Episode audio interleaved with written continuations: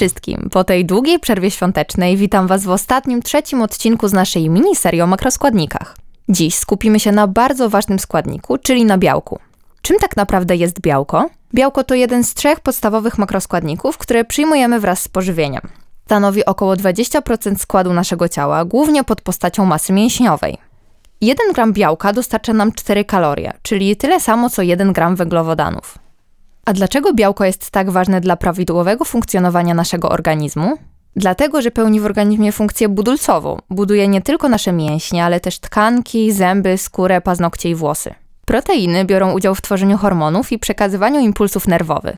Białko też syntezuje enzymy trawienne i tkankowe, dzięki czemu rany goją się szybciej. Dlatego suplementacja białkiem jest szczególnie ważna u pacjentów z rozległymi poparzeniami i uszkodzeniami skóry. Białko syntezuje enzymy trawienne i tkankowe, dzięki czemu rany goją się szybciej. Dlatego suplementacja białkiem jest szczególnie ważna u osób, które mają rozległe poparzenia i uszkodzenia skóry. Kiedy w organizmie następuje rozkład białka na aminokwasy, trafiają one do naszego krwioobiegu, następnie do wątroby i stamtąd do uszkodzonych tkanek i włókien mięśniowych.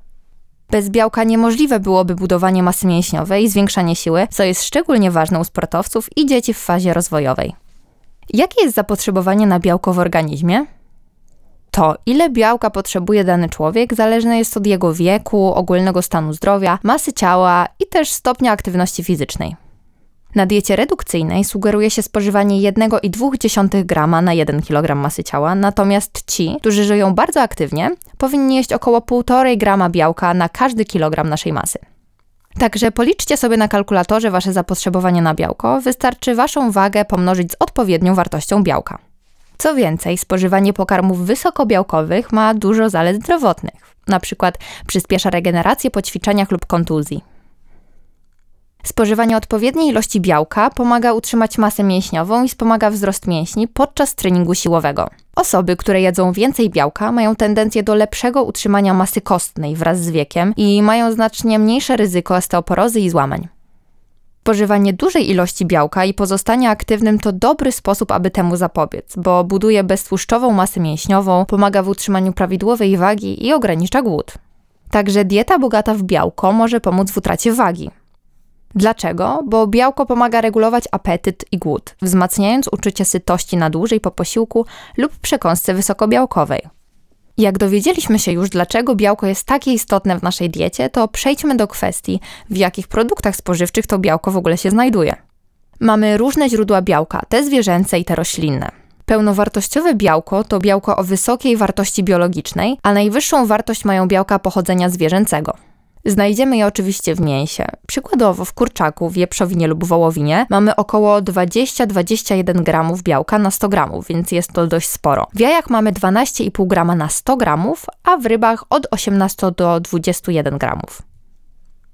Oczywiście jeszcze w tym białku zwierzęcym nie możemy zapomnieć o mleku i przetworach mlecznych w nabiale. I tu oczywiście zawartość białka na 100 gramów jest zależna od produktu.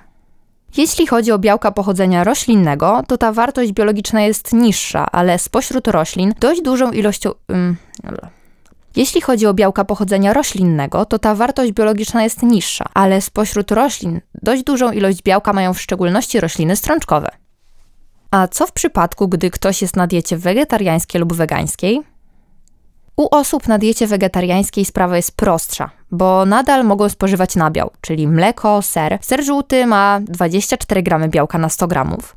U osób na diecie wegetariańskiej sprawa jest prostsza, bo nadal mogą spożywać nabiał, taki jak mleko, ser, który ma dość dużą zawartość białka, bo 24 gramy na 100 gramów, także jogurty i twarogi, które są naprawdę dobrym źródłem białka. Też powinni spożywać rośliny strączkowe, bo na przykład soczewica ma 25 gramów białka. Dość dużo jak na roślinę, nie sądzicie? W gorszej sytuacji są weganie, bo wyzwaniem jest odpowiednie zbilansowanie białka w diecie.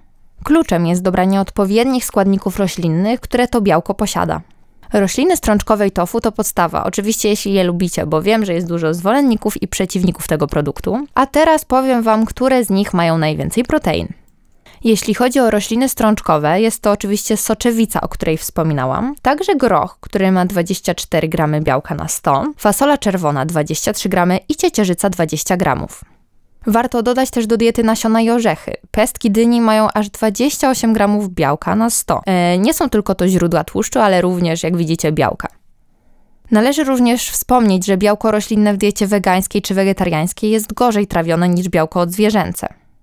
A zastanawiacie się pewnie dlaczego? Ponieważ produkty roślinne zawierają błonnik pokarmowy, niekiedy też substancje antyodżywcze, które zaburzają działanie enzymów trawiennych i zmniejszają strawność białka. Jak widzicie, w sklepach jest coraz więcej produktów high protein o zwiększonej ilości białka niż standardowe produkty.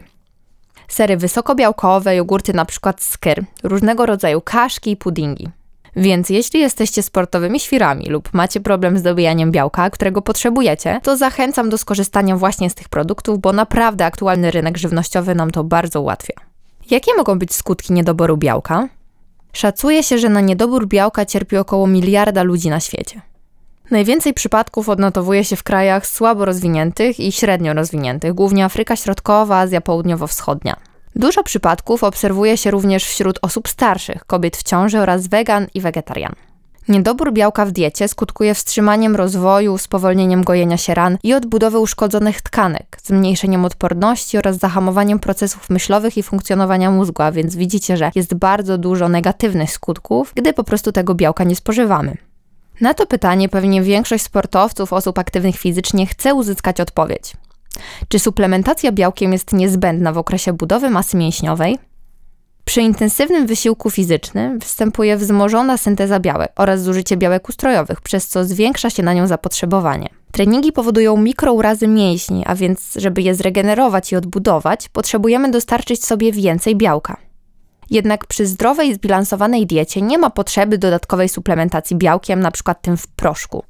Jest wiele osób, które bardzo lubią białko w proszku, ponieważ mają dobre smaki, na przykład biała czekolada, słony karmel, ale bez obaw, nie martwcie się, jeśli nie chcecie kupować specjalnie właśnie białka w proszku e, z różnych stron, na przykład KFD czy SFD, to naprawdę nie ma potrzeby, bo możecie sobie to białko dostarczyć w sposób naturalny. Jest to jednak wygodna opcja dla osób, które chcą tego białka dostarczyć więcej, a nie mają dość czasu na gotowanie. Jest to jednak wygodna opcja dla osób, które chcą tego białka dostarczyć sobie więcej i nie mają czasu na gotowanie. A więc podsumowując, białko należy do najważniejszych makroskładników w diecie człowieka. Niezwykle ważne jest jego codzienne dostarczanie. Jak już wiecie, najwyższą wartością biologiczną cechuje się białko pełnowartościowe pochodzenia odzwierzęcego. W dietach wegetariańskich i wegańskich kluczowe jest umiejętne łączenie poszczególnych składników, aby dostarczyć wszystkie aminokwasy. Zarówno niedobór, jak i nadmiar białka są niebezpieczne dla organizmu człowieka. Także moi drodzy, zwróćcie uwagę na to, ile tego białka w ciągu dnia spożywacie. Kończąc naszą miniserię, powiem Wam, abyście nie zaniedbywali żadnego makroskładnika i aby każdy z nich był dostarczany do Waszego organizmu w odpowiedniej ilości. Dziękuję Wam bardzo za wysłuchanie dzisiejszego odcinka i słyszymy się w następnym. Bądźcie zdrowi i szczęśliwi. Do usłyszenia. Cześć.